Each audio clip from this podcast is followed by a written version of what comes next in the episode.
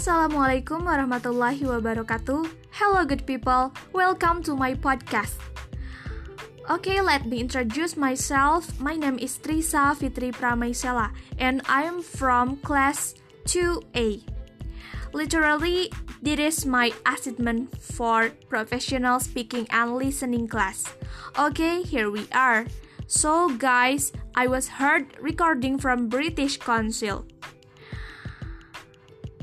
that there is a presenter on an event called Today Show who introduced the guest star. This guest star is very special. She is Anna Oliveira, a creator and founder of the Homeworks app.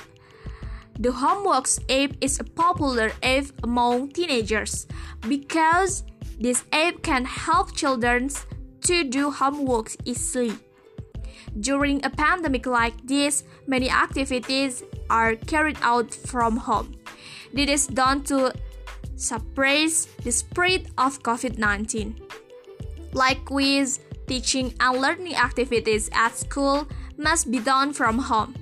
Therefore, parents must always be ready to become te- teacher at home to help the children's homework. But there is the problem. Not all children understand what material the teacher briefly presents. And finally, parents will have to explain in more detail so that children can understand. But not all parents also understand about their chil- children's school lesson. Many parents complain about their children's homework.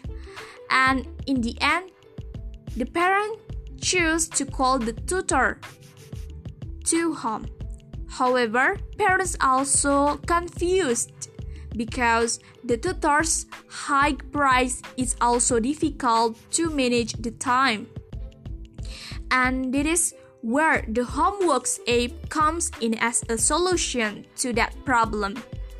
Anna Oliveira said that with homeworks, everything can be made easy. Parents can entrust homework for children to tutors who get in a low price.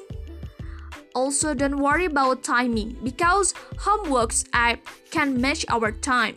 We also don't worry because tutors and students can meet online, and it won't make students wait long.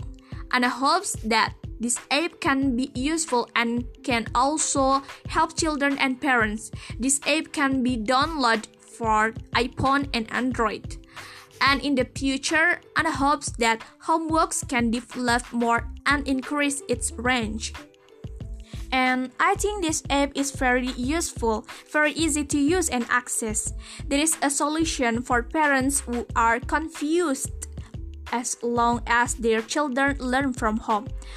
I hope that app like this can develop more because it is a suitable medium to replace the role of teacher in schools during a pandemic.